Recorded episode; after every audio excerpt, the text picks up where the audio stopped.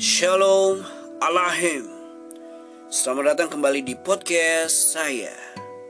Saling mengingatkan ya. Kekristenan Yang berarti adalah Kehidupan Atau gaya hidup orang Kristen. Nah Sebelumnya kita lihat dulu Kristen itu apa sih? Kristen itu adalah sebutan bagi orang-orang yang mengikuti Kristus. Makanya dipanggil Kristen. Ya, pada masanya sempat jadi pada suatu masa ada Kristen ini sempat jadi olok-olokan bagi orang-orang karena ada sekelompok orang yang gaya hidupnya berbeda. Gaya hidupnya hidup mengasihi, hidup mengikuti ajaran yang diajarkan oleh Kristus Yesus. Sehingga diberi julukan Kristen. Ya, pada masa itu berarti olok-olokan. Tapi akhirnya menjadi sebuah keyakinan, kepercayaan yang kita sering dengar agama Kristen. Kristen ini mencakup tentang keselamatan, pengharapan, iman, kasih atau pengorbanan, perjuangan, bahkan sukacita. Dan ini semua dibungkus menjadi sebuah kabar baik. Apa aja itu kabar baik? Gue udah bahas di podcast sebelum ini.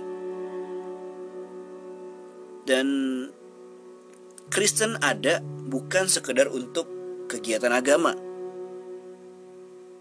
Kristen ada supaya kabar baik diwariskan kepada seluruh bangsa di dunia atau menjalankan amanat agung.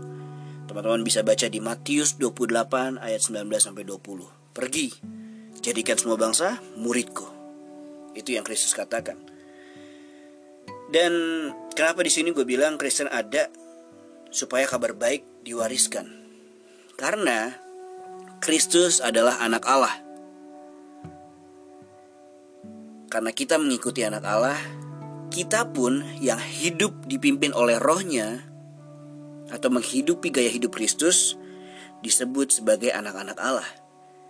Di mana buktinya? Kita bisa sama-sama lihat di Roma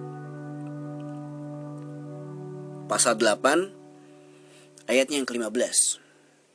Sebab kamu tidak menerima roh perbudakan yang membuat kamu menjadi takut lagi.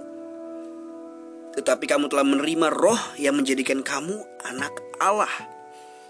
Oleh roh itu kita berseru, Ya Aba, Ya Bapa.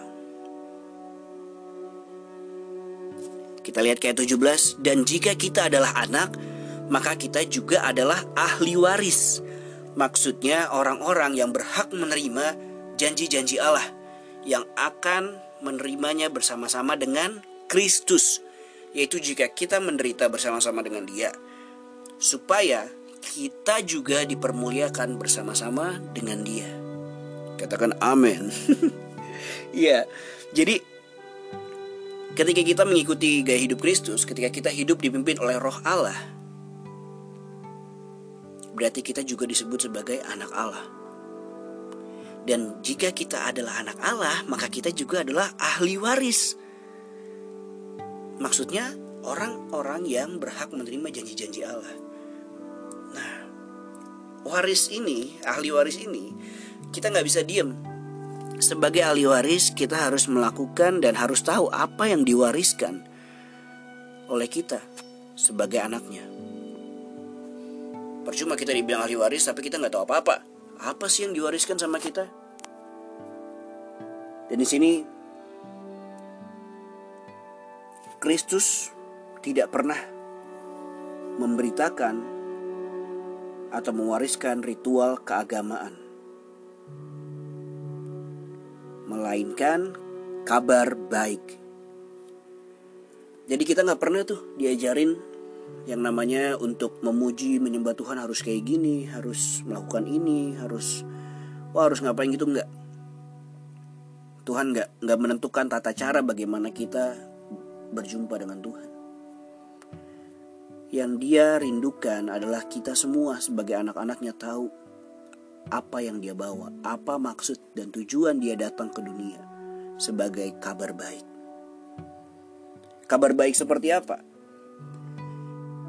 Yang paling jelas, yang terutama ialah kematiannya di kayu salib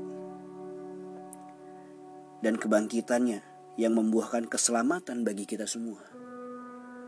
Karena sebab dia hidup ada hari esok. Kalau dia nggak pernah hidup dan bangkit, kita nggak pernah yakin dan percaya kalau hari esok itu masih ada. Dan sekarang gue mau membagikan beberapa hal aja.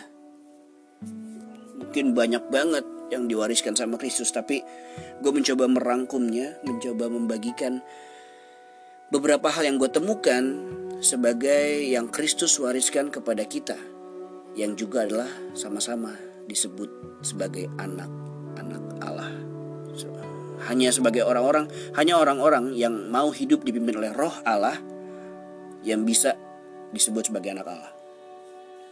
Dan itu kita. Ada amin? amin gitu dong. Yang pertama itu adalah Yohanes kita sama-sama baca yuk di Yohanes 14 Yohanes pasal 14 ayatnya yang pertama sampai dengan ketiga gue bacakan Janganlah gelisah hatimu. Percayalah kepada Allah, percayalah juga kepadaku. Di rumah Bapakku banyak tempat tinggal. Jika tidak demikian, tentu aku mengatakannya kepadamu. Sebab aku pergi ke situ untuk menyediakan tempat bagimu. Dan apabila aku telah pergi ke situ dan telah menyediakan tempat bagimu, aku akan datang kembali dan membawa kamu ke tempatku, supaya di, ma di tempat di mana aku berada, kamu pun berada. Guys, ini yang pertama gue dapetin. Apa yang Kristus wariskan buat kita. Yang pertama adalah pengharapan pasti akan tempat tinggal setelah kematian. Warisan pertama ini pengharapan pasti karena Kristus adalah pemberi pengharapan pasti, bukan pemberi harapan palsu atau PHP. Kristus ini memberikan pengharapan pasti bagi kita yang mau dipimpin oleh rohnya, yang mau hidup seperti dia hidup. Untuk memiliki kepastian bahwa setelah kematian ini kita memiliki kehidupan yang layak bersama-sama dengan dia. Kehidupan yang benar-benar belum pernah kita mengerti sebelumnya. Dan kalau kita lihat di ayat 4-nya, dikatakan, Dan ke mana aku pergi, kamu tahu jalan ke situ. Jadi ketika kita percaya, Kristus mati, bangkit, dan kembali kepada Bapa, kita enggak kita enggak kehilangan dia. Tapi ketika kita dipimpin oleh rohnya hari demi hari, dia bukakan jalan untuk kita mengerti ke mana Kristus pergi. Dan kita tahu jalan ke situ caranya gimana dan apa yang harus kita kerjakan selama kita di dunia. Sehingga kita sampai berada di mana dia berada. Karena itu kerinduan Kristus. Di ayat 3 yang bagian B tadi dibilang Aku akan datang kembali dan membawa kamu ke tempatku supaya ini kerinduannya, supaya di tempat di mana aku berada, kamu pun berada. Dan ke mana aku pergi, kamu tahu jalan ke situ. Kalau sudah sadar, kalau kita benar-benar yakin akan pengharapan pasti yang Kristus bagikan, yang Kristus wariskan sama kita, segala sesuatu yang kita miliki akan diproses Tuhan untuk berbuah berbuah seperti apa? Berbuah seperti maunya Kristus, bukan maunya Kristus, berbuah seperti apa kehendaknya Tuhan, apa rancangan mula-mulanya Tuhan. Itu otomatis ketika kita menjalani ini, apa pun yang kita miliki, kehidupan sosial kita, cara pandang kita, ekonomi kita, segala sesuatunya ketika kita dengan tulus yakin akan pengharapan pasti yang Kristus punya, semuanya akan diproses dan diprogres untuk berbuah. Kita bisa buka buktinya nih ya Gue kasih lihat sama kita di Filipi. Mana Filipi? Filipi pasal 1 ayat 11. Demikian firman Tuhan, penuh dengan buah kebenaran yang dikerjakan oleh Yesus Kristus untuk memuliakan dan memuji Allah. Semuanya akan diproses dan penuh dengan buah kebenaran karena kita melihat dan menjalani pengharapan pasti yang Kristus berikan sama kita. Untuk tujuannya memuliakan dan memuji Allah. Dan ini semua dikaruniakan kepada Kristus. Terus kita dapat apa enggak? Ya ini juga dikaruniakan kepada kita, teman-teman. Kita balik ke Roma 8 tadi yang pertama. Roma 8 tapi ayatnya yang ke-32. Di sini dikatakan, "Ia atau Tuhan Bapa yang tidak menyayangkan anaknya sendiri, tetapi yang menyerahkannya bagi kita semua." Bagaimanakah mungkin ia tidak mengaruniakan segala sesuatu kepada kita bersama-sama dengan dia? Garis bawahi kata bersama-sama dengan dia. Bapak Tuhan kita yang Maha Kuasa ini, yang Maha Esa ini akan mengaruniakan segala sesuatunya. Tapi bersama-sama dengan dia. Kalau kita nggak mau, pilihan semua di tangan kita teman-teman. Kalau kita nggak mau memilih hidup dipimpin oleh rohnya, atau hidup seperti Kristus hidup yang dipimpin oleh rohnya, ya kita nggak akan pernah dikaruniakan segala sesuatunya. Tapi ketika kita orang-orang percaya, anak-anak Allah memilih untuk hidup seperti Kristus hidup, yakinlah dan percaya bahwa bagaimanakah mungkin ia tidak mengaruniakan segala sesuatu kepada kita bersama-sama dengan dia. Jadi gitu. Yang pertama ini yang perlu kita yakinin dulu. Kristus memberikan atau mewariskan pengharapan pasti akan tempat tinggal kita setelah kematian.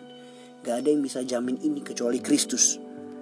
Gak ada yang bisa fixin ini kecuali Kristus. Dan ini perlu kita bagikan juga kepada seluruh bangsa di dunia lewat share, lewat cara hidup kita karena balik lagi tadi yang pertama gue bilang Kristen ada bukan sekedar untuk kegiatan agama Kristen ada supaya kabar baik diwariskan kepada seluruh bangsa di dunia Salah satunya ini Pengharapan pasti akan tempat tinggal Yang kedua Yang Kristus berikan sama kita Sama-sama kita buka firman Tuhan di Yohanes 3 Pasti udah pada wah pasti ayatnya ini. Iya, kalian benar. Ini ayat favorit semua orang. Enggak semua orang ya, kebanyakan orang. Yohanes pasal 3 ayatnya yang ke-16. Demikian firman Tuhan. Karena begitu besar kasih Allah akan dunia ini sehingga ia telah mengaruniakan anaknya yang tunggal supaya setiap orang yang percaya kepadanya tidak binasa, melainkan beroleh hidup yang kekal. Yang Kristus wariskan kepada kita yang kedua ialah kasih yang terbesar. Kasih yang terbesar ini benar-benar kasih yang melebihi segala hal baik yang dunia ini pernah berikan. Karena kalau dikatakan kasih yang terbesar berarti jika kita menganggap dunia ini anggaplah bayangkan dunia ini segempalan tangan kita. Berarti kasih yang terbesar ini dikatakan kasih Allah akan dunia ini berarti melingkupi seluruh bagian dari dunia. Dan kasih ini bicara tentang pengorbanan, bicara tentang perjuangan kita bagi orang yang kita kasihi. Seperti kita tahu bahwa Kristus yang menjadi Allah yang menjadi manusia. Kristus memecah tubuhnya untuk kita didamaikan dengan Allah. Dia rela hancur-hancuran, habis-habisan, mengorbankan segala sesuatunya supaya kita didamaikan dengan Allah dari dosa. So, bagaimana kita? Kita pun supaya sesama kita didamaikan dengan Allah, kita harus bisa berjuang dan mengorbankan segala sesuatunya bersama-sama dengan Tuhan supaya sesama kita bisa melihat Allah, supaya sesama kita bisa mengerti seberapa hebat kasih Allah.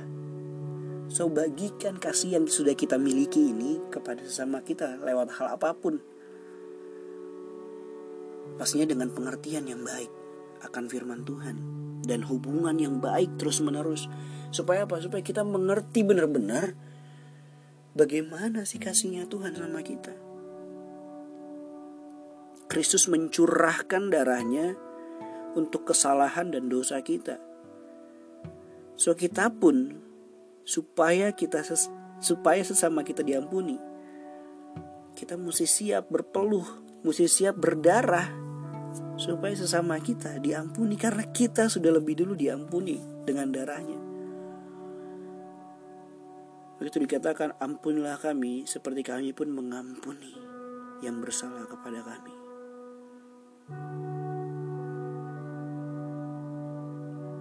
Kita sebagai manusia mungkin gak pernah minta untuk diampuni. Tapi Kristus lakukan. So bagaimana orang-orang yang sekarang mungkin menyakiti kita. Yang menurut kita mereka aja gak sadar mereka nyakitin kita. Mereka aja udah tahu nyakitin tapi mereka tetap pergi. Pilihannya mau gak kita melakukan seperti apa yang Kristus lakukan buat kita. Yaitu mengampuni mengasihi, mencurahkan darah kita untuk supaya sesama kita, siapa pun itu, sahabat kita, pacar kita, orang tua kita, semuanya bisa melihat Tuhan dan mengalami kasih Tuhan lewat apa? Lewat pengampunan yang kita miliki. Kenapa? Karena Tuhan lebih dulu mengampuni kita dan Ia mewariskan kasih yang terbesar buat kita orang-orang percaya. Buat kita anak-anak Allah. Buat kita orang-orang yang mau hidupnya dipimpin oleh roh Allah. Pilihan dari tangan kita. Mau nggak kita memilih untuk mewariskan kasih yang terbesar ini bagi siapa pun, bagi seluruh bangsa di dunia yang dimulai dari gaya hidup kita. Lagi gue ingetin, Kristus Kristen ada bukan sekedar untuk kegiatan agama. Kristen ada supaya kabar baik diwariskan kepada seluruh bangsa di dunia. Terakhir yang gue dapat yang Tuhan wariskan sama kita ialah kita sama-sama buka di Yohanes pasal 1 ayat yang ke-12. Yohanes pasal 1 ayat 12. Demikian firman Tuhan. Tetapi semua orang yang menerimanya diberinya kuasa supaya menjadi anak-anak Allah. Yaitu mereka yang percaya dalam namanya. Yang ketiga ini adalah kuasa atau otoritas. Karena tadi dikatakan tapi semua orang yang menerimanya. Iya, lu, gua, kita semua yang mengaku orang-orang percaya yang menerima Tuhan diberinya kuasa atau otoritas. Kenapa? Karena di kejadian 1 ayat 26 dikatakan demikian.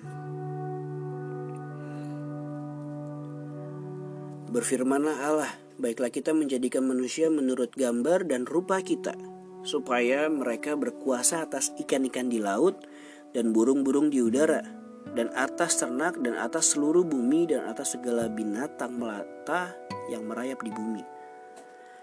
Gambaran asli kita itu udah berkuasa.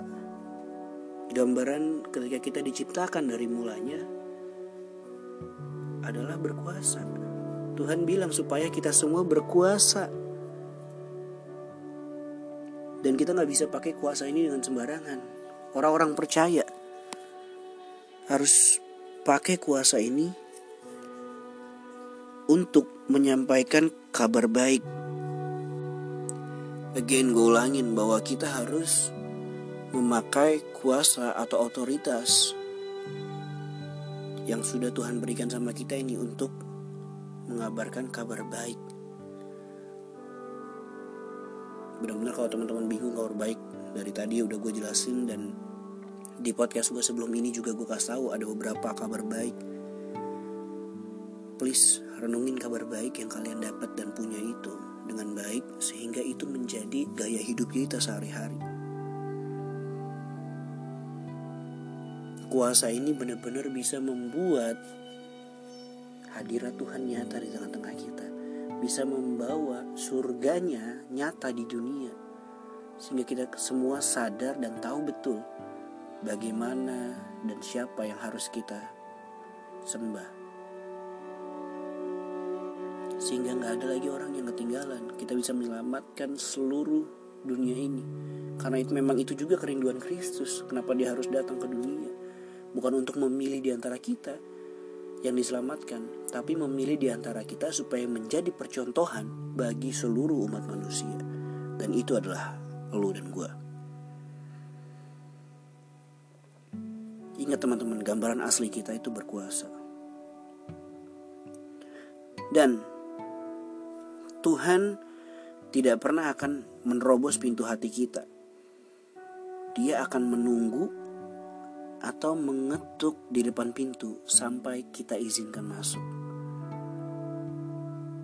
Ketika kita percaya kita ini anak Allah, kita hidup menurut roh Allah, tapi kita nggak pernah mau dengar apa kata dia.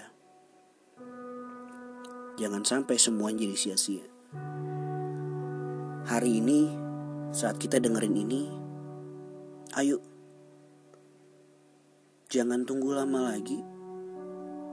Bukakan pintu untuk Kristus. Izinkan dia masuk dan dia yang mengajarkan atau memberitahu bagaimana kita harus hidup bagaimana kita harus mempergunakan warisan yang dia berikan ini. Sehingga kabar baik diwariskan kepada seluruh bangsa di dunia dan kita semua diselamatkannya.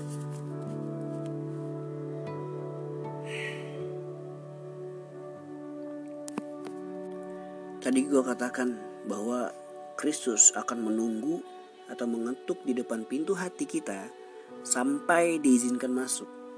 Kenapa ada kata sampai? Karena Tuhan memberikan kita kuasa atau kehendak untuk memilih.